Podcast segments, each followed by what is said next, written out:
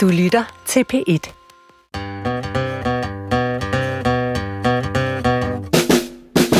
Du lytter til Vildt Naturligt på P1. Din værter er Helt fuldstændig fantastiske, selvstændige Vicky Knudsen. og multitalentet Johan Olsen. Den har du ikke prøvet før. Den har jeg ikke prøvet før. Mm.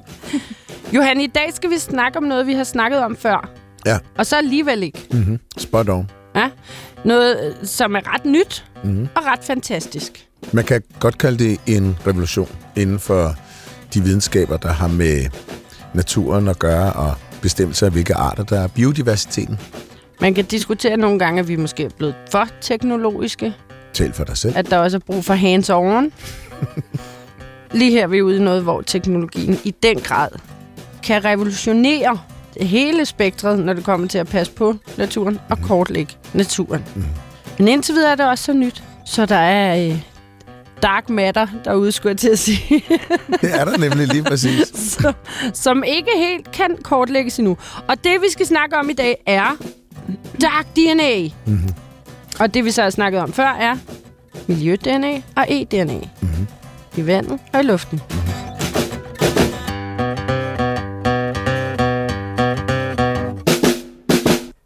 Så derfor har vi øh, været så heldige at lokke dig, adjunkt Eva Egelyng Sisgaard fra Institut for Biologi på Aarhus Universitet, med i studiet. Velkommen til.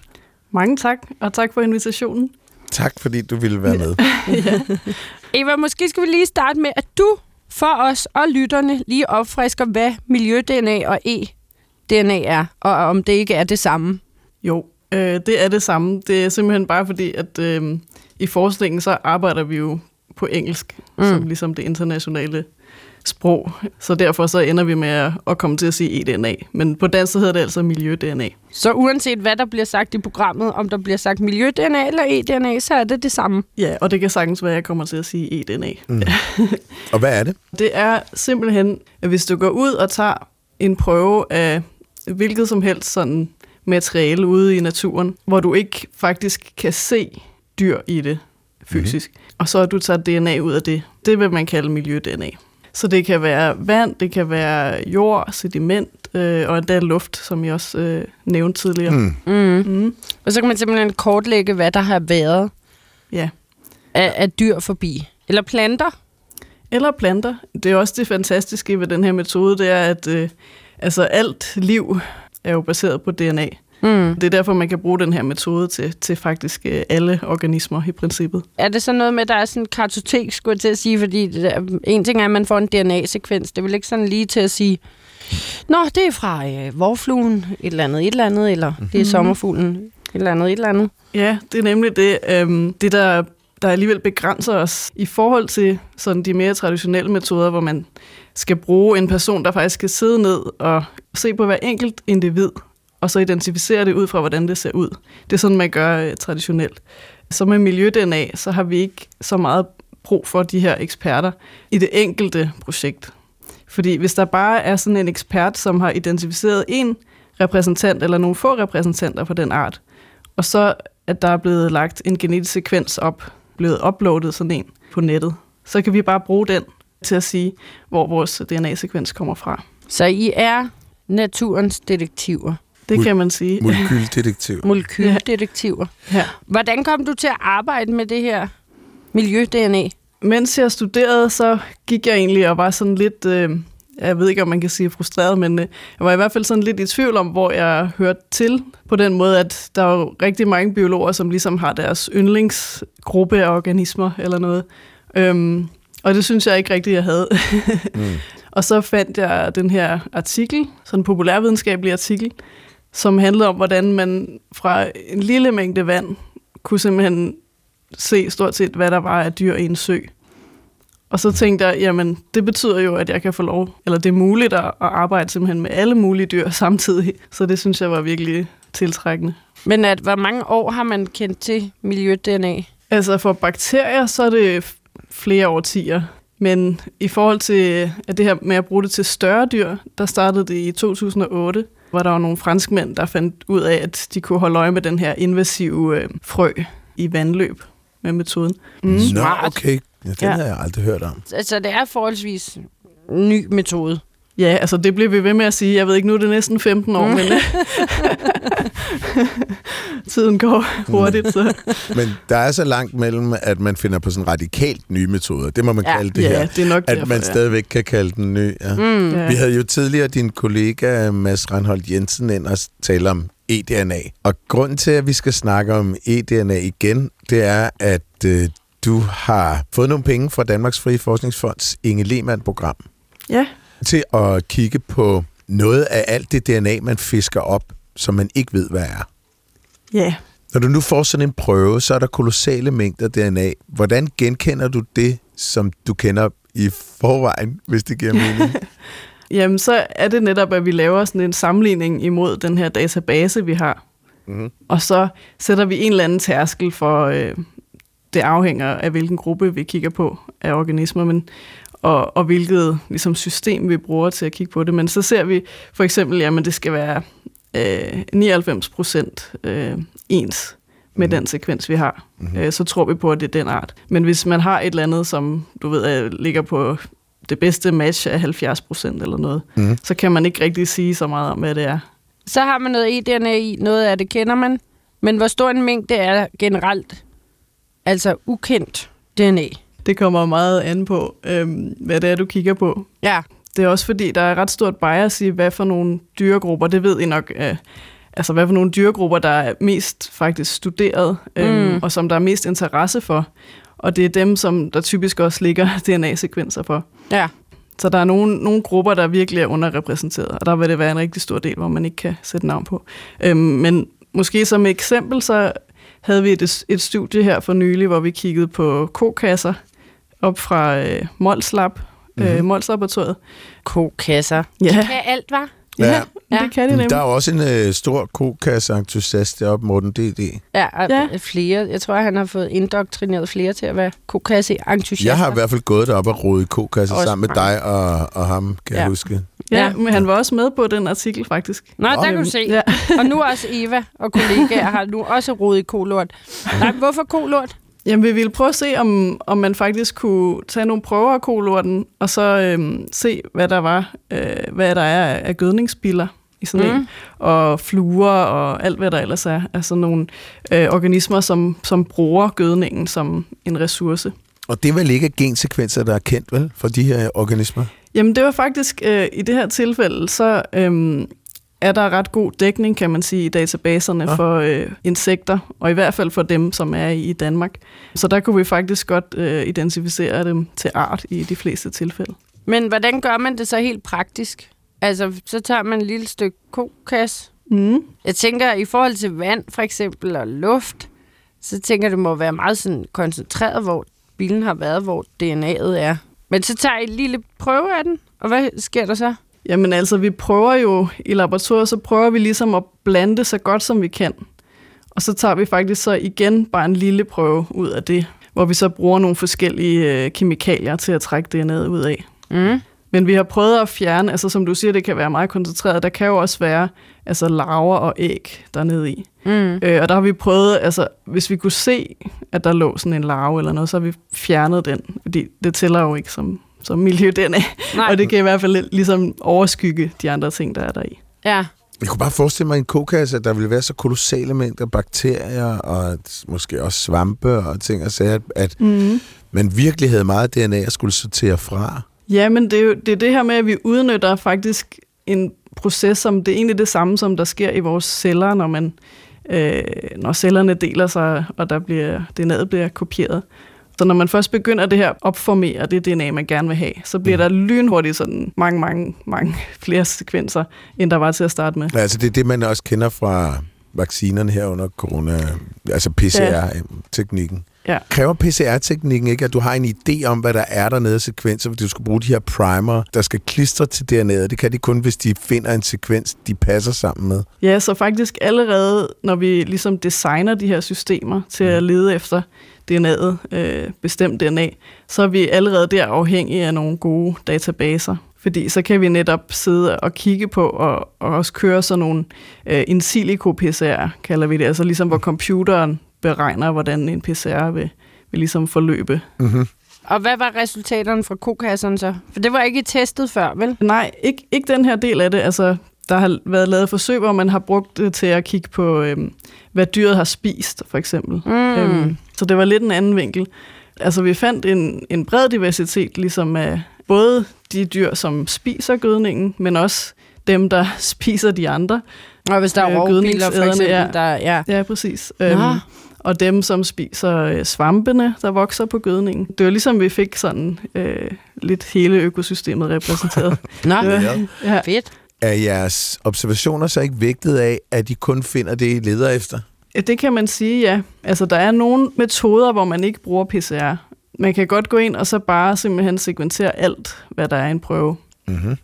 Men så er der, netop som du siger, altså så fylder bakterier bare virkelig, virkelig meget. Øhm, Ja, fordi der skal volumen til. Mm. Ja. Okay, hvis man så tager en prøve, uanset hvad den er fra, Mm. og der kommer nogle sekvenser, der bonger ud, og så er der de her, der ikke bonger ud, som ikke har et stort nok match. Så er det din opgave nu, Eva, at kortlægge dem. Men jeg tænker bare, det må være svært, når de netop ikke er kortlagt, og man Ja. ja. ikke aner, hvad man står med.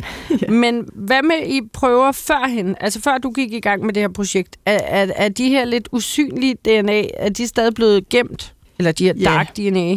Normalt er det ligesom god praksis, og, og normalt er man ligesom også, altså kræves det, at man gemmer sine rå øh, sekventeringsfiler. Så det burde stadig ligge der. Det er det, øh, som vi ligesom håber at, at udnytte. Det er alle de her se- sekvenser, som måske ikke er blevet brugt til så meget endnu.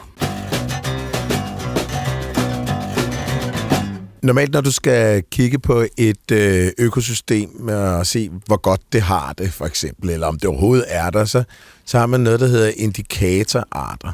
Kan du forklare, hvad det er? Det er egentlig nogle arter, som man har erfaring med, kun findes under bestemte øh, betingelser.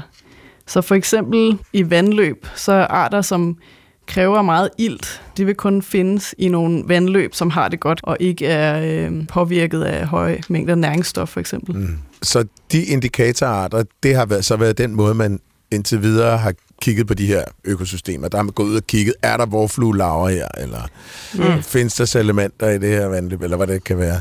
Ja, og så har det ligesom skulle være nogle arter, som man kunne sætte sig ned og identificere ud fra, hvordan de så ud mm. med et almindeligt mikroskop. Men dit projekt går så ud på at tage det her skridt videre med eDNA og med noget af alt det mørke DNA. Prøv at Ja. forklare, hvad projektets kerne er.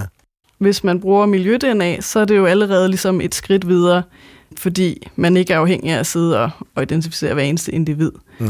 Men der er man stadig, som sagt, øh, begrænset af den her database. Så der er nogen, der har prøvet at sige, jamen ved I hvad, vi prøver bare helt at glemme det der med at sætte navn på tingene. Og så bruger vi noget øh, machine learning til bare at finde ud af, jamen de her DNA-sekvenser, hvilke nogle af dem findes, når der er god økologisk tilstand. Mm. Altså bare se på sekvenserne selv. Og det har faktisk vist sig at fungere bedre, end hvis man kun tager dem med, som vi faktisk kan sætte navn på. Og det kan man sige, det giver jo mening, når der er så stor en del, som vi ikke kan sætte navn på. Og mange af dem jo sikkert har en stor betydning i økosystemet. Med mikrober og så videre. Men hvordan skal man så bevise det, tænker jeg? Fordi en ting er, hvis man har en vorflue, og man ved, at den her den kræver meget rent vand, så den er en god indikatorart for et rent vandløb. Hvis man så lige pludselig står med en masse sekvenser helt uden noget som helst navn på, og de i bund og grund kan være super vigtige, men hvordan ved I det, når I ikke ved, hvad det er? Altså for det første, så stiller det jo nok endnu større krav til ligesom at være meget forsigtig med sin databehandling. Og man får smidt de sekvenser væk, som sandsynligvis er fejl eller kontaminering og alt det her. Men ideen i mit projekt, det er også at ligesom få øh, udnyttet, at vi har en masse forskellige datasæt, som man faktisk kunne kombinere, altså fra alle de her forskellige studier, hvis man så faktisk kombinerer øh, informationen om, hvor de her sekvenser er fundet, under hvilke forhold de er fundet, så kunne man faktisk begynde at bygge noget viden op om de her øh, ukendte arter. For indtil videre, så er det lidt sådan, at i det enkelte studie, så kalder man bare sekvensen for øh, sekvens nummer 1507, for eksempel. Mm-hmm. Men så den samme sekvens i et andet studie vil have et andet nummer. Ah, fuck.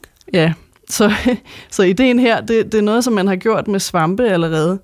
Så for mig er det egentlig bare at, at prøve at, at bruge det her på dyr. Simpelthen sætte sådan nogle faste navne på de her sekvenser, som man ligesom er enige om, eller som man bruger på tværs af studier. Mm-hmm. Og så på den måde, så kan vi ligesom få en hel masse mere data i spil, i forhold til at, at finde ud af, om der er nogle gode indikatorer øh, blandt de det, her. og så på Ja. et eller andet tidspunkt, som årene går, så vil de jo nok poppe op, og man kan finde ud af, hvilke arter de tilhører. Ja, Hvis jeg nu øh, prøver at gå tilbage til, hvordan kommer der DNA i, lad os tage et vandløb, mm-hmm. øh, så kan det jo komme ved, at organismerne smider nogle celler, som så går i stykker, og så kommer der DNA ud. Er DNA'et pakket ind i proteinmolekyler, eller falder det fra hinanden lige med det samme, eller er der nogle af områderne, der bliver eksponeret først, som I har større sandsynlighed for at få fat på? Der er i hvert fald noget evidens for, at øhm, partiklerne, de partikler, vi får, de er rimelig store. Altså, der er nok hele celler i hvert fald, som vi, vi får fat i. Og der er måske ikke så meget som bare sådan frit DNA, der flyder rundt. Det bliver, også, det bliver nok også hurtigt nedbrudt. Normalt er det et bestemt gen, vi går efter. Og typisk så går vi efter gener i mitokondriet. Øhm, Nå, og i hver celle er der jo flere mitokondrier. Mm. Der kan endda være altså hundredvis. Mhm. Mm. Øhm, det er, det er cellens lille øh, kraftværk. ja, præcis. Men Ja. det har dets eget DNA, altså. Og, og det er faktisk øh, en af grundene til, at man har valgt at bruge mitokondrielle gener. Det er netop, at, at der er rigtig mange kopier Mm-hmm. øhm, af de gener. Smart. Fordi der er mange mitokondrier i hver celle. Ja. Så der er større chance for at samle det op.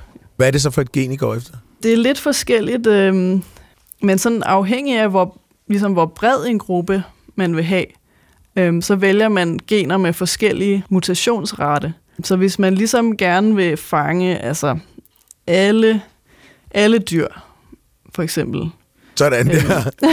Alle dyr, simpelthen. Alle dyr. Animalia. Sådan. så skal man finde et sted øhm, i det her mitokondrielle genom, som er ens imellem alle dyr. Mm-hmm. Så det skal ligesom være et område, som ikke udvikler sig alt for hurtigt Ja. øh, evolutionært.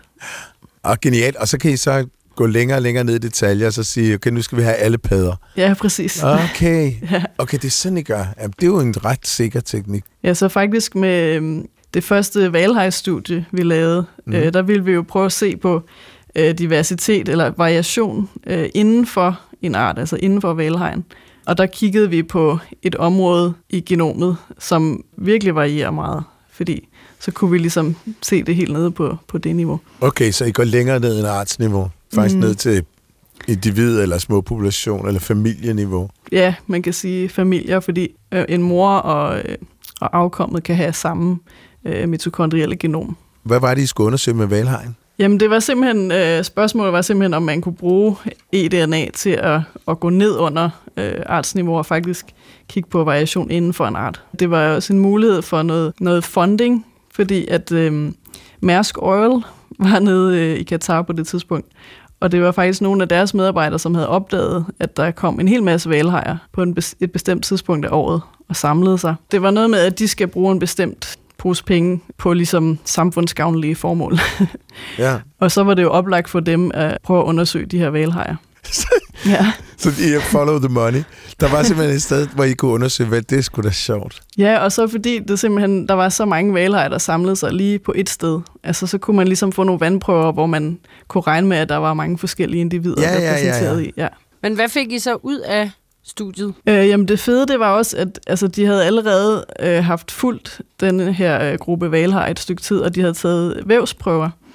Så vi kunne faktisk sammenligne vores resultater med vævsprøverne. Og der kunne vi se, at vi fik øh, altså de mest almindelige øh, varianter, som de fandt i vævsprøverne, det var også dem, som vi fandt mest øh, hyppigt i vandprøverne. Ja, okay. Så det var virkelig sådan en, en god test af metoden. Ja, så det var godt til at understrege, at eDNA er en god metode til at vise, hvilke individer og arter, der har været forbi et specifikt sted. Ja, Og så totalt non-invasiv. præcis. Man Ja. ja. tager ikke en biopsi af en valhaj, eller Nej. man skal ikke ud og, og fange... Det er der jo så nogen, der har gjort i forvejen. Kan Ja, ja, det er der, men, men det er jo Eva genialt, at man kan... for at være Ja, the bad guy. ja, det var ikke the bad girl, det var bare Ja. vandprøver. ja, Og de plasker lidt med halen, når de får det der spyd i. Så ja, Ja, det er ikke helt ret. Ja. Det er derfor, jeg tænkte, du slap med den gode, øh, gode, Ja. det gode del af det. Var du dernede, eller var der bare nogen, der sendte jer nogle vandprøver? Øh, nej, jeg var dernede. Ja.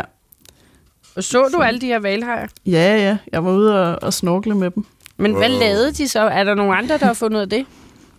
Ja, Hvorfor de altså, er så mange? Ja, så der er nogen, der har taget sådan nogle, altså brugt sådan nogle planktonnet til at se, øh, hvad, det, hvad det var, de egentlig spiser. Fordi man kunne se, at, at øh, det er det, de laver. De spiser. ja, de spiser og spiser. Og det er simpelthen fordi, der er nogle øh, tun, som gyder lige der. Så der er simpelthen helt fuld af tun af. Ah, Ja. tunroven. ja. Wow, Ah, okay. Ja, det lyder jeg også tænkte- ret lækkert, ikke? Det lyder meget godt. Kaviar buffet. Ja. Jeg tænkte bare, det, kunne, altså, det var netop det, om de skulle spise, eller om de skulle parre sig, ja. Og hvad der lige var det fælles overnatning. Mm. Var det en af dine første berøringer med, med eDNA sådan i praksis? Ja, altså det var en del af mit speciale, og blev også en del af, af PUD'en. Sådan går det lidt med sådan nogle projekter, de tager et par Mm. år. Øhm, mit første møde med Miljø-DNA, det var faktisk øh, nede i Sønderjylland. Eller vi tog lidt rundt omkring i Danmark faktisk, fordi vi ledte efter dønsmærlingen, mm-hmm. som I måske kender. Det er en, en ret sjov fisk, som er meget sjælden i Danmark, men den er sjov ved, at den graver sig helt ned i mudderet, og det er også noget, der gør den rigtig svær at, øh, at finde og holde øje med. Så øh, traditionelt, der har man blandt andet ligesom overvåget den med elektrofiskeri. Altså hvor man simpelthen sætter strøm til vandet, så man kan få dem op af det der mudder. Øh, og Det lyder heller ikke rart. Nej, det er nemlig, kan også være skadeligt for fiskene. Så det var også lidt derfor, vi ville prøve at se, om vi kunne finde dem med miljø-DNA. Og, Mm. og det lykkedes også. Igen kom du ind som good cop. Ja. Ja, det, den rolle kan jeg godt lide. ja. Men hvor, er, hvor udbredt er dønsmærlingen? Er det ikke meget, meget, meget få steder, den findes? Jo, altså vi fandt den i Sølsted Mose, hvor man, øh, det var det sidste sted, man havde set den. Men mm. det var Mhm. faktisk flere år siden dengang. Øhm, og så blev det så bekræftet også efter, vi havde fundet den i vores prøver, at, at altså blev bekræftet på traditionel vis, kan man sige. At den stadig er i At den stadig er der. Øhm, men vi fandt den faktisk også i DNA'et op ved Magisterkogen, mener jeg, det hedder. Ja. Hvad, hvad er det? Magist hvad? Er det ikke helt nede ved grænsen, tror jeg? Jo, det mener jeg, ja. Det er lige på grænsen til Ja, Tyskland. ja Nå. så det er, også, øh, det er også Sønderjylland i hvert fald. Mm. Ja. Så det var dit første møde med, med, ja, ja. med eDNA. Ja, det blev sat lidt op som sådan et øh, high risk, high gain, øhm, men jeg sagde ja til det. Det gik heldigvis godt. ja, jeg fik også... Øh, jeg fik også et andet tilbud, om jeg ville prøve at se efter den hvide ferskvandsulk, tror jeg. Den var man meget sikker på var uddød, så Okay. jeg Men- tænkte alligevel, der var lidt større chancer her. Ja. Nå ja, du skulle vælge imellem. ja.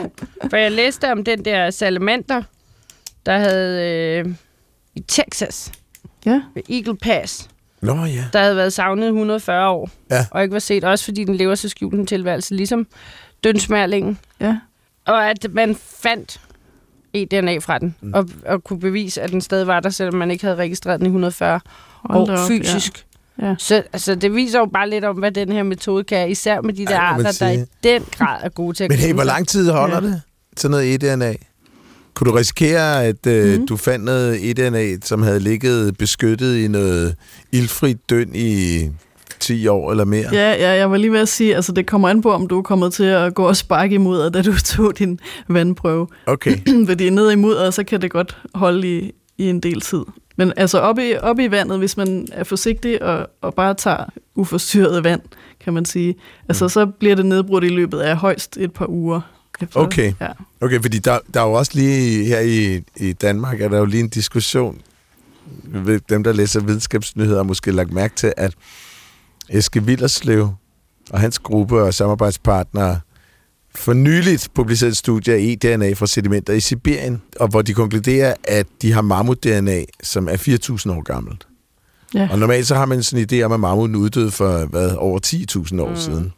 Og så nu er der en kæmpe diskussion med æggehoderne imellem rundt omkring i verden, fordi der er nogen, der siger, jamen det her eDNA kan faktisk godt bevæge sig mellem segmenterne, afhængig af, hvordan fugt og mm. tø og alt muligt. Så nu er, diskuterer man om... Okay, så det er faktisk svært at datere det, mener de. Ja, Der er nogen, der mener, at du kan fejldatere, fordi mm. sedimentet afslører alderen, ja, ja. og, og eDNA'et afslører bare sekvensen. Men hvis eDNA'et kan rykke, bevæge sig mellem segmenter, så kan du godt Helt komme til at sikkert, fejldatere det.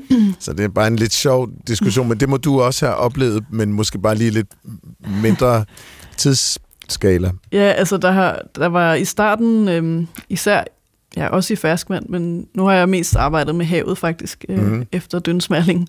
Mm. Øhm, der var der jo meget diskussion i starten om transporten af DNA'et. Altså hvis man går ud i, i havet, så i princippet tænker man, så kunne DNA'et jo komme fra øh, altså meget, meget langt væk fra. Mm. Men det man ser i praksis, det er, at man får DNA fra det, som findes lokalt. Og faktisk på en meget fin skala. Altså det er sådan noget ned omkring 100 meter, sådan øh, skala, hvor man kan se forskel. Okay, nu er jeg ved noget stenhabitat, og så bevæger jeg mig lige herhen, og nu er det faktisk mere nogle organismer, som er knyttet til ålegræs. Det er faktisk det, som er Wow. her. Så Men Siger det noget om, at det der eDNA, det DNA faktisk er meget kortlivet? Fordi der må der være en del strømme og sådan. Ja, jeg tænker også, det må blive flyttet meget rundt. Mm. Ja, altså jeg tænker, det måske faktisk er især fortynding, som, som er på spil.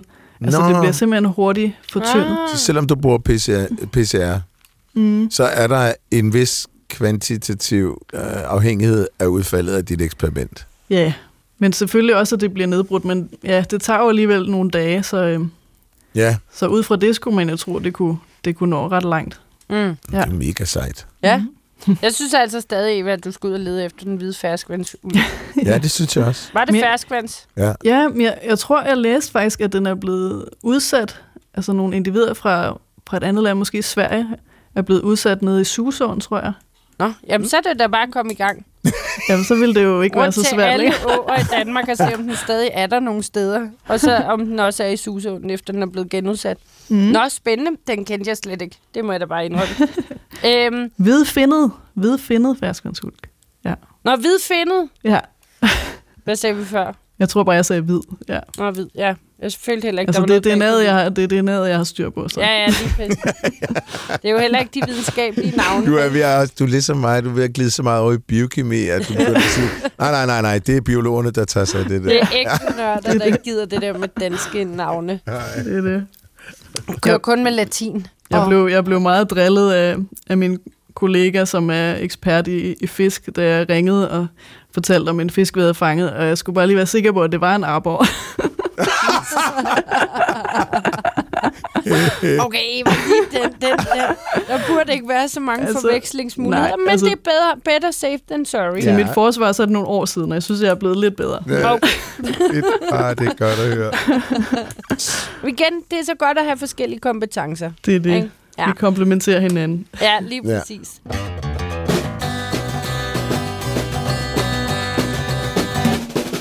Nå, øhm, kunne I tænke jer en lille... Ej, hvad skal jeg måtte finde på?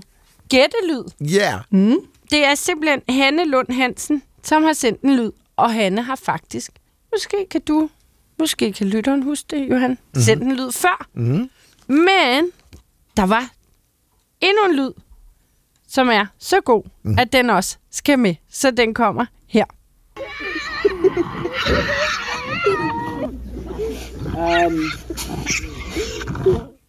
Åh, oh, det var ikke meget, man fik. Skal I lige have den igen? Jeg hørte nogle Ja. homo sapiens børn. Ja. Ja. ja, det troede jeg også. Mm.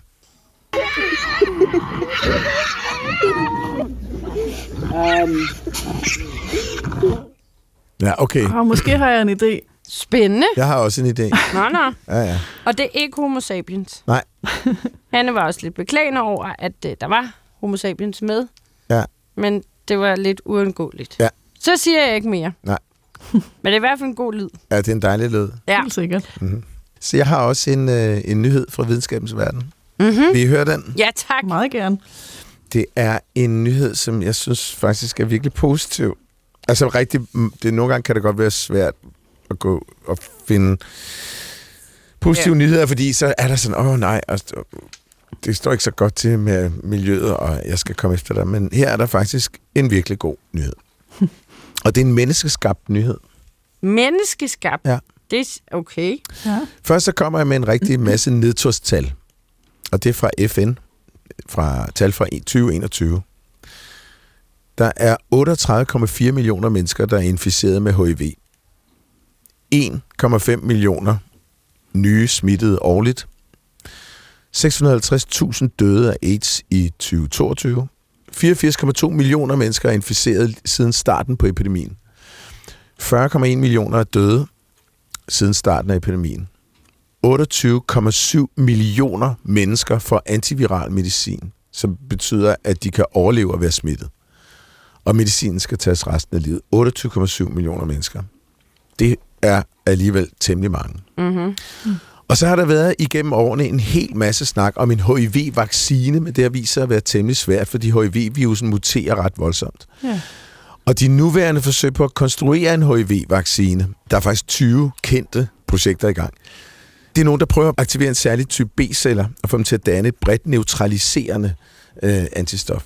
Professor Julia McElrath fra Washington Universitetet, Fred Hutchinson Cancer Research Center, har lavet et klinisk type 2-forsøg. Hun fik fat på 48 frivillige.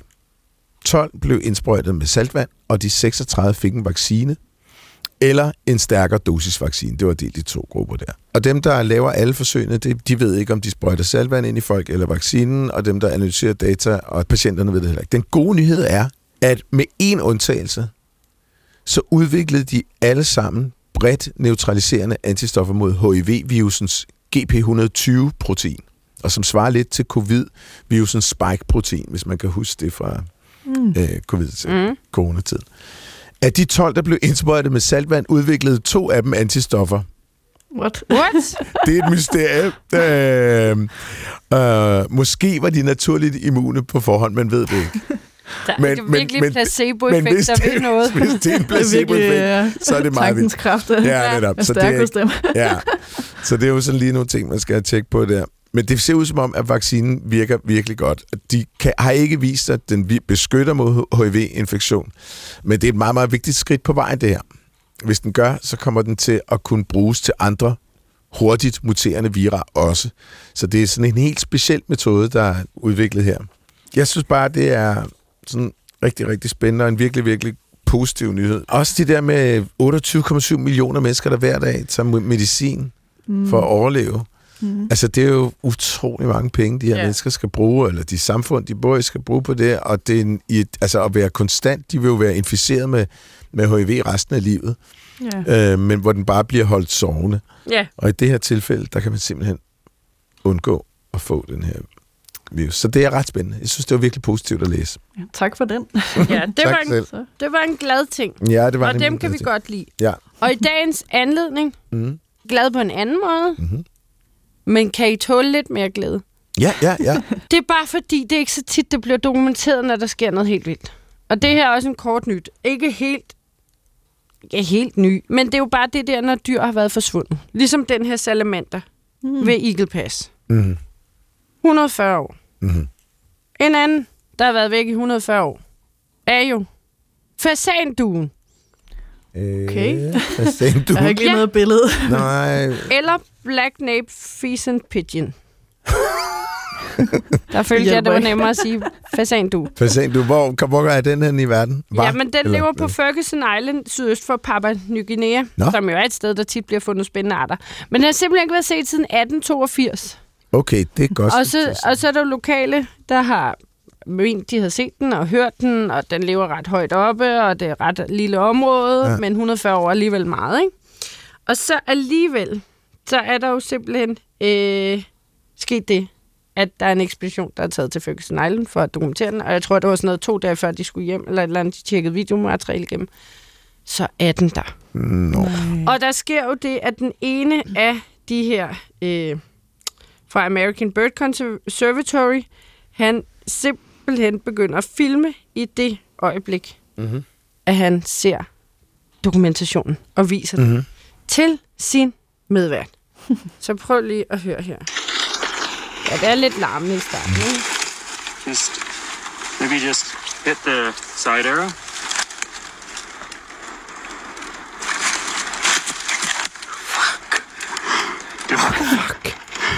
Doka. Fuck. Doka. What is this? It's it. It's it's owl. Isn't it owl? We can't tell. We can't tell them. We have to have them look through the, the photos too. We say nothing. Hey, we did it! Holy shit, man! Ah! oh, man, this is the happiest the moment fuck? ever. Du er ikke den eneste fulde freak derude, Vicky. Det må føles rart.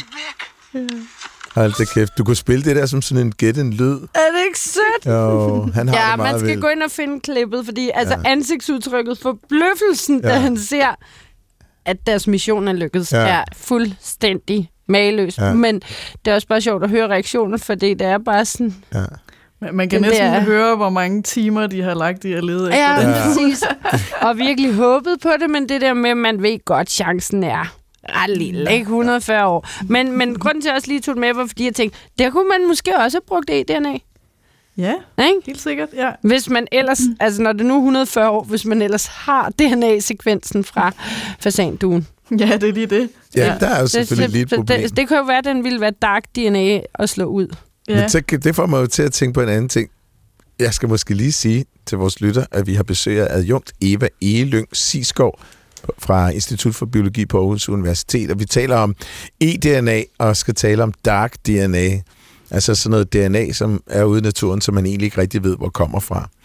Ja. Øh, men, men hvis du skulle kigge efter fasanduen, Mm. så skal man jo... Der er jo ikke et vandløb. Men så ved jeg, at da øh, Vika og jeg, vi fulgte sig hen til studiet, så snakkede vi om, hvor sejt det var at blive nævnt i en National Geographic artikel. National Geographic, det er rigtig ja. artikel. Ja, Så så vi altså, dit navn der, og så blev vi sådan, Nå, sådan ja. wow, hvor sej kan man overhovedet være. Ja, Kan du ikke fortælle om, hvad det var, de berettede om der? For det synes det er mega sejt, det I lavede der. Ja. Ja, øhm, jeg var med på et studie, hvor vi fandt ud af, at hvis man samler en blomst ind, øhm, og så øh, trækker DNA ud øh, af overfladen, så kan man faktisk se, hvad for nogle insekter, som har siddet på den blomst. Hvordan tager man DNA fra toppen af en blomst? Altså det vi gjorde dengang, det var simpelthen, at, at vi tog øh, blomsten, og så kan man sige, dyppede den ned i sådan, noget, øh, sådan nogle kemikalier, som, som får, får DNA'et til ligesom at, at give slip, og, øh, så vi kan få det ud. Var, Ja. var det nogle specifikke blomster? Vild gullerod var en af dem. Det er også Og en skøn plante. Ja. Øh, Også med god overflade, fordi vi fandt faktisk, altså, det var sådan i hvert fald en tendens til, synes vi, at, øhm, at de blomster, der havde sådan en større overflade, der fik vi også ligesom flere arter ud af. Mm. Øhm, så de fungerede lidt bedre. Er det så metoden eller blomsten? Fordi jeg tænker, det er jo ikke nødvendigvis ens betydning, bare fordi man har et stort... Et stort Når man så øh, tiltrækker flere... Eller? Nej, lige præcis, at der er en stor overflade, så er der flere arter. Ja. Mm. Eller om det er fordi, at de så har været bedre til at holde på DNA'et måske. Ja, ja, det kunne sagtens være det nemlig. Ja. Ja. Så hvad, hvad siger det jer at tage altså en buket med vilde blomster? Der er jo det, at vi kan jo ikke sige, hvad insektet lavede. Mm-hmm. Så vi kan jo ikke sige, om, om det faktisk har bestøvet blomsten eller noget op. Så vi får, altså vi fik både bestøvere, men også alle mulige andre, og ikke bare insekter, men også æderkopper, springhaler og alt muligt. Så altså, det er ikke kun bestøver, man får. Nå, øhm, sjovt. Kan det være, der er andre arter, der også bestøver, men man ved det bare ikke? De fleste tænker jo i hvert fald på bier øh, i forhold til bestøvning, men der er også biller og fluer og alle mulige andre mm-hmm. dyr, der er bestøver. Og der kan det måske være lidt nemmere at, at ligesom få dem med i overvågningen, når man, når man bruger DNA. Ja, jeg har da i hvert fald set en øh, tyklåret solbille øh, bille på... Ja, det hedder tyklårs solbille, Mm. hedder den. Ja. På en vild gulerod, som Mhm. havde altså gule pollen i hele kasketten. Nå, Hvor jeg okay. tænkte, den må da også næsten tage dem med videre til den næste Mm. blomst. For det, altså, den, det var helt, helt krødderen, den havde fyldt med gult blomsterstøv. Ja, lige. Øh, og så meget fint ud. Så de må Mhm. også sådan, om det er frivilligt eller ufrivilligt, der også slæbe noget med videre en gang imellem. Ikke? Det er det, ja. Og, og planten kan jo være lige glad, ikke? Jo, jo, Ja, lige præcis. ja. Den skal bare have ført generne ved. Men det er meget øh, fascinerende at tænke på, at der måske netop er en masse bestøvningsmetoder, og sådan noget, vi stadig ikke kender, fordi Ja. de måske er så specialiserede, eller bare overset, at vi Mm. stadig ikke kender dem. Men øh, vi har fundet ud af lidt siden da, og der er nogle andre, der også har, har forsøgt det her. Og øh, altså selvom man faktisk ser et insekt lande på en blomst, så er det ikke sikkert, at man faktisk får DNA, eller kan få DNA ud øhm, fra den art. Så det er stadigvæk, altså metoden er stadigvæk øh, lidt ny, og måske skal der lige justeres lidt på nogle ting, øh, for at få effektiviteten lidt op. Fordi man kan ikke bare øh, samle et par blomster, og så ligesom regne med, at man, man får øh, Hele alt, alt det med, der, der er der. Nej. Men det vil man vel aldrig kunne. Altså, man Nej, vil vel aldrig rigtigt. kunne være sikker på, at cyklossolbilen sætter sig med DNA, Mm-mm. hver gang den lander. Så det må vel også være noget med at, at gentage det. Man kan prøve at tage en masse flere blomster måske, eller Ja. noget, ja, uden, uden at høste hele engen. Eller. Ja, ja, Mm. præcis. Men så er det vel også vigtigt, altså det der med, at det ikke er kvantitativt på den måde. Altså hvis det nu er, at der har været 100 øh, tyklårs, Solbiler. tyklårs solbiler, og øh, skal vi sige to af en eller anden æderkopperart og fire mm. Bier, det indbyrdes forhold vil du ikke opdage, vel? Det skal nok i hvert fald undersøges nærmere, altså, Mm. fordi det kan være forskelligt, hvor meget DNA de afsætter. Mm. Og altså faktisk for bier, så havde vi ligesom forventet, at der ville blive afsat ret meget DNA, fordi de bruger meget tid på, på blomsterne, ikke? Mm. Og, Mm. øh, og de har også noget pels, som måske kunne falde af, og man kunne få, men, mm. men altså, det virker ikke som om, at det er sådan særlig nemt faktisk, og selvom de har siddet i en blomst, så, så får man det ikke nødvendigvis. Og det er en særlig ting for bier? Altså, det er dem, der har været sådan fokus på, hvor man ligesom har prøvet at observere dem, og så tage blomsten. Okay, det er jo ret interessant også for jeres fremtidige arbejde, at I har den usikkerhed med, Ja, helt sikkert. jeg. Ja. Vi har lavet et forsøg med, øh, med luft-DNA, faktisk. Okay, Øh, men det var lidt i forhold til, øh, altså at når vi nu går ud og tager vores vandprøver, så tænkte vi, øh, jamen hvad så, hvis der falder noget DNA ned fra luften, ned i vores vandprøve? og genialt Mm. selvfølgelig, Øh. det skal jo også tænke på. Ja, så det var faktisk lidt sådan for at forsøge at kvantificere, hvor meget øh, ligesom baggrundsstøj får vi. Ja, ja, for ja. I, I kunne trække baggrundsstøj, selvfølgelig. Ja, ja. ja. altså, vi havde øh, nogle bøtter med vand stående op igen i, i Mols, ved Mols Laboratoriet, og så nogle sådan nede ved havnen i Aarhus. Mm. øhm, og der fandt vi, op ved Mols, der fandt vi nogle øh, insekter, som, altså, hvor vi kunne se, at det var ikke fordi, det var faldet der ned i vandet. Øh, der var bare deres DNA, og der var også fra nogle fugle. Og nede ved havnen i hvert fald, der, der var der også noget fiske-DNA dernede. Så. Altså Mm. fiske-DNA Ja, fra en spand, der står på målen. ja, men der kan jo flyve noget, altså noget skumsprøjt eller noget. Nå. Øhm, Det er vildt nok. Ja, det er sgu ret vildt. Det er også bare ret vildt, hvor let der afsættes DNA. Ja. Ja, ja det er det. Ja. Ja, jeg har jo helt opgivet at være forbryder. Ja, også mig. Jeg havde ellers regnet med en, øh, en løbebane i den øh, dur, men altså det, det, det, det, det er det, simpelthen det går bare ikke. Det er altså, alt for det er simpelthen... Uh... Mm. Ja, jeg vil gerne komme med en servicemeddelelse. Det var en røllike og ikke en vild gulerod, den sad på. Okay. Ellers havde den ikke været gul Nå, din tyklårs solbille. Ja. Nå, en røllike. Nu har jeg lige vist billedet. Den er til gengæld meget gul i hovedet. Ja. ja. Men har du prøvet, at der var noget, hvor I bare fik et helt vildt overraskende dyr, eller en plante, mm. eller et eller andet DNA, der bare ikke gav mening at få i den prøve. Et eller andet helt vildt overraskende, hvor I bare tænkte, wow, hvad sker der her? Altså noget lidt underligt, vi fandt, øhm, det var sådan en, øhm, jeg tror det hedder sådan en kakadu. Altså de der øh, papegøjer, som folk har som kæledyr. Mm. Den fandt vi i Katar i vores havvandsprøver. Men det kan jo så også være, altså selvom vi er forsigtige i laboratoriet, det kan jo være også nogen, som faktisk har sådan en derhjemme. Men I har, I, I, I har vel spurgt rundt? Ja, er der nogen, der har du? Efterlysning. Ja, Altså det i København, der var der jo rigtig mange øh, i laboratorierne. Ah, Ja, okay. der var sådan en ret stor udskiftning, så. Okay. Ah. Man kunne ligesom tænke, at det måske var, var derfra.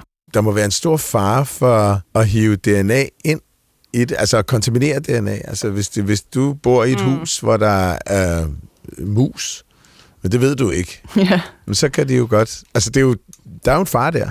Ja, helt sikkert. Altså, vi skal gå i bad jo hver, hver gang, inden vi går ind i det her laboratorium. Okay. Øhm, og man skal have helt rent tøj på. Og så ud over det, du ved, så har vi jo den der dragt og, Okay. og øh, hårnet og Ja. ja. det hele. Og, og Mads, han skal også have sådan et net rundt om sit skæg. Nå, det vil jeg da gerne se. Ja, Ja, en, skægkyse. ja præcis. Ja. Okay, nu har vi været ret meget inde på, hvad det er og hvad det kan, og hvad, hvilke seje ting man har fundet ud af. Mm. Men det her dark DNA, det Ja. ja. der ikke er kortlagt. Jeg tror simpelthen ikke, jeg forstår, hvordan pokker I skal finde ud af, hvad det har betydning, når man ikke ved, hvad det er. Normalt så vil vi jo kunne sige et eller andet om, hvad for en organisme det er. I nogle tilfælde, så kan vi kun sige, jamen det er et dyr, eller det er en bakterie eller noget. Men Wow. tit så kan vi godt sige mere end det. Men det der med at gå helt til artsniveau, det, det er tit svært. Jeg tænker bare, hvis man har indikatorarter, dem kender man godt DNA'et på. Hvorfor er det så ikke nok? Hvorfor skal vi så kende til alt det der mørke materiale, der ligger derude? Ja, altså den metode, der bliver brugt nu med nogle få indikatorarter, øh, den er blevet kritiseret, fordi øh, nogle gange så ekstrapolerer man fra de her få indikatorarter, så ekstrapolerer man helt ud til måske på landskabsniveau, hvordan det her landskab har det eller noget. Øhm, Ja. Så de har Ja. fået for meget betydning. Ja, og man kan også sige, så nogle små mikrober, som vi måske ikke har nogle referencesekvenser for, de har jo meget hurtig generationstid, så de reagerer meget hurtigt på ændringer i miljøet. Så på den måde vil de også måske, vil man tidligere kunne se nogle ændringer, øh, positive Ah. eller negative i miljøet, ved at se på dem også, i stedet for kun på de større dyr. Eva, nu var vi inde på salamanderen. Vi var inde på dønsmærlingen. Ja. Du mangler at finde den hvide, hvidfindet øh, ferskvandsulk. Ja, det er Ja. blevet lidt nemmere nu, hvor de er sat ud. Ja. Ja. og, og, og fuglen talte godt nok ikke. Men altså arter, som har været væk og forsvundet, så er der jo de der arter, hvis vi nu lige bevæger os lidt over i noget kryptozoologi. Mm. Altså, kan det være, I lige pludselig sidder med en prøve med Loch ness i, og tænker, okay, vi kan se det her DNA for noget større. Hvad er det? Kan der opstå mysterier, tror du? Øhm, Jeg tænker måske ikke på Loch ness nødvendigvis. nej. Jeg tænker mere om, der lige pludselig kan dukke noget op, som jo altså, totalt er uopdaget for videnskaben. Det kommer selvfølgelig også måske an på, hvor man tager de prøver. Men som vil Ja. være et mysterie for jer, fordi I ikke kan sætte det i nogen boks. Ja, altså det, der er nok større sandsynlighed for det, når man arbejder med bakterier. Altså min hensigt i hvert fald er at fokusere mere på dyr. Men, det er øh, også dyr, vi skal op i, Eva Vidal. Ja. Altså, en, en ukendt bakterie, dem er der nok nogle stykker af. De, fyld, altså, de fylder heller ikke så meget. Jeg var ude i sådan noget, okay, om, om fem år er der en eller anden artikel med, at du har fundet en, øh, en ny øh, jamen, der fisk tænker, for verden. jamen, så ja. tænker jeg nemlig, at hvis vi skulle kunne se det, øhm, så ville det være ligesom, at vi så, at der var en hel gruppe. Der var noget, der bare slet ikke passede ind i, mm. Mm. i de grupper, vi kender. Og, og det ved jeg, det sker faktisk jævnligt, når man ser på bakterier. Ikke? Så finder de simpelthen he- en helt stor Ja. ja. gruppe, som Ja. bare slet ikke er. Der ville det nok være lidt sværere med dyr. Altså, Okay, men jeg synes, vi skal holde drømmen åben. Drømmen åben. Men, er der nogen, der har lavet øh, eDNA-analyse øh, i Loch Ness? Ja, det er der jo. ja, jeg kender dem godt. Er det rigtigt? Ja, ja. fandt de noget? Øhm, jeg tror, de fandt en interessant fisk. Nå, Nå, nå, nå, nå. Det tror jeg alligevel. Ja, hvor stor var den så? Altså, jeg tror desværre ikke, den var sådan flere meter lang. Det var ikke Loch Ness.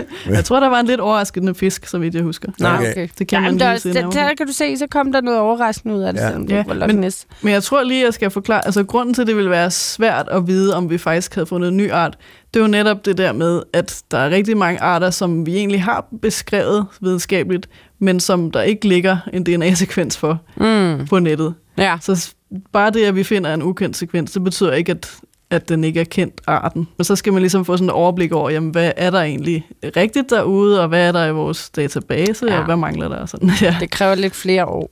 Mm. Jeg læste om havblitz, hvor man har sendt frivillige ud øh, langs de danske kyst. 400 frivillige og samle vandprøver. Hvad gik det ud på? Det handler jo om, at en styrke ved øhm, miljø-DNA-metoden, det er også, at ude i felten, øh, der er det faktisk en meget enkel metode. Altså selve det at tage sådan en vandprøve og filtrere den, altså det kan man lære på kort tid.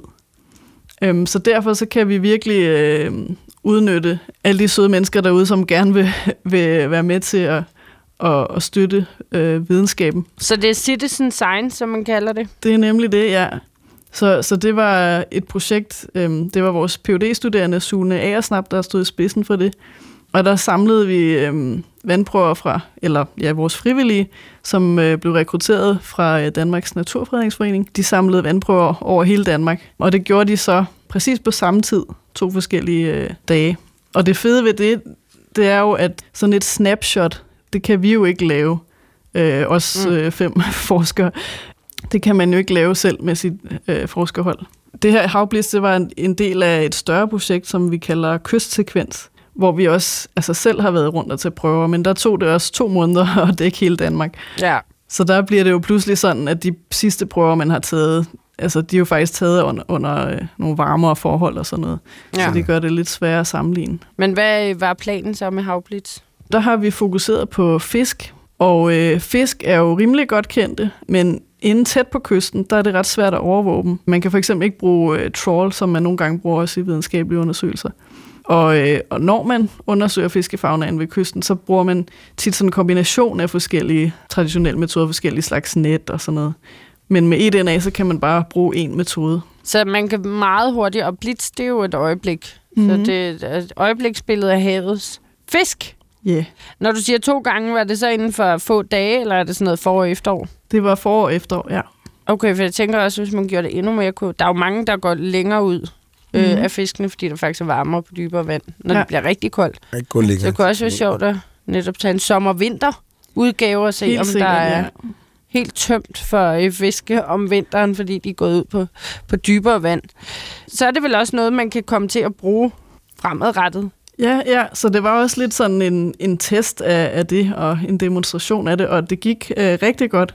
Så både, både det, at de frivillige var, altså, var tilfredse, vi lavede sådan en spørgeskema-undersøgelse, om de for eksempel gerne ville gøre det igen, og det ville de gerne, og de allerfleste prøver fik vi også tilbage, altså de skulle sendes med posten til os, og vi fik også gode resultater ud. Så vi kunne for eksempel se, at øh, den sortmundede kutling, dens udbredelse i vores DNA-prøver, de svarede, det svarede til den udbredelse, man ligesom øh, kender.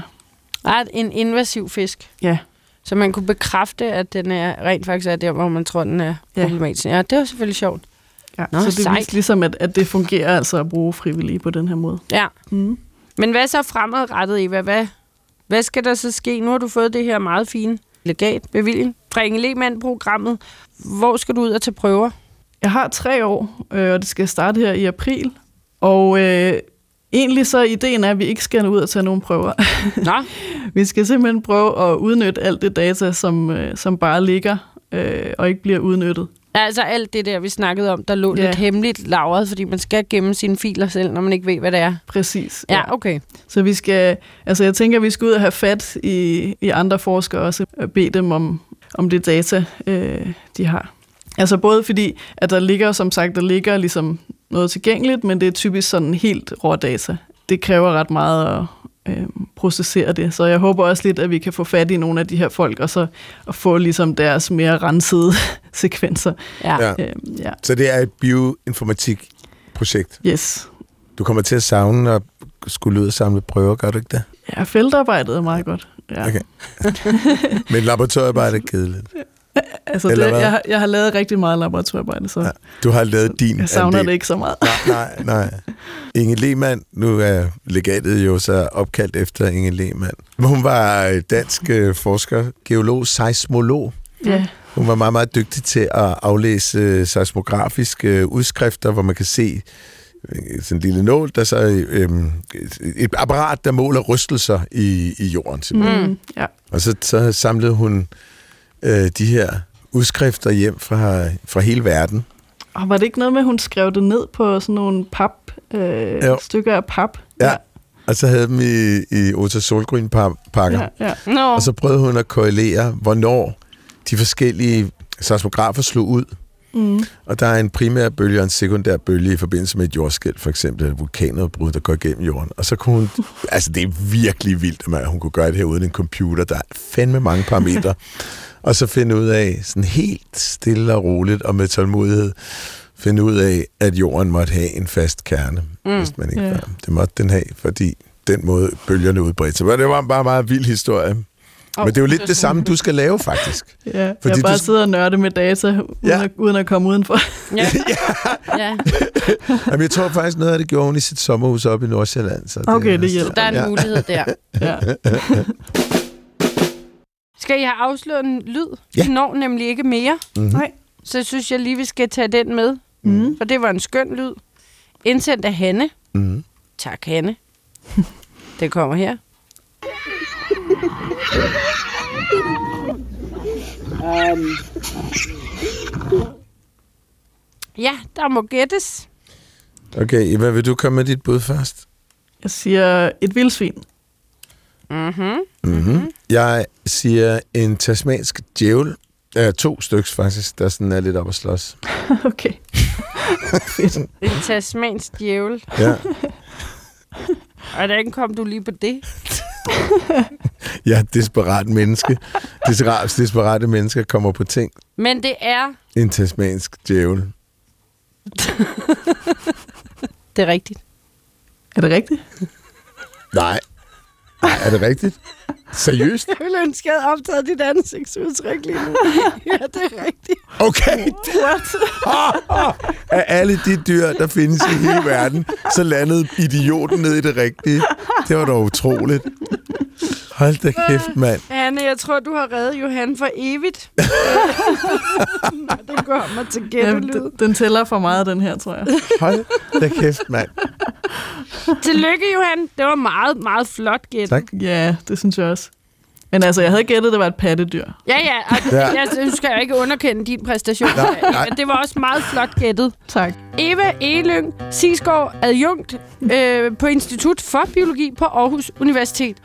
Og i gang med at undersøge Dark DNA. Mm. Tusind tak for besøget. I lige måde. Det var Tak hyggeligt at være med. Og så må du have pøj pøj med de næste tre år, og vi glæder os til at høre, når du har fundet Loch Ness uhyret. Uh, ja. Ikke? det er en aftale. Det snakkes vi Super ved godt. om. Ja, Ja. Presset er enormt. og en lille smule. Det er godt. Og du må hilse uh, Mads Reinholdt Ja, Jensen. Det gør jeg. og de andre. Ja. Øhm, og tak til Carsten Nielsen, vores producer. Og tak til lytterne. Tak til lytterne, som i øvrigt kan høre programmet igen, eller andre programmer, hvis de har lyst til det. Altid. Igen og igen og Ja, igen. ja. igen. På podcast. Er igen lyd, kunne jeg anbefale. Og igen. Og igen, eller hvor man Igen. nu vil. Lige der, hvor man lytter til podcast. Ja. Og Man Tak kan også, øh, man kan også øh, sende et brev herind. ja, vildt naturligt snablag dr.dk. Tak for i dag alle sammen. Hej hej. Hej hej.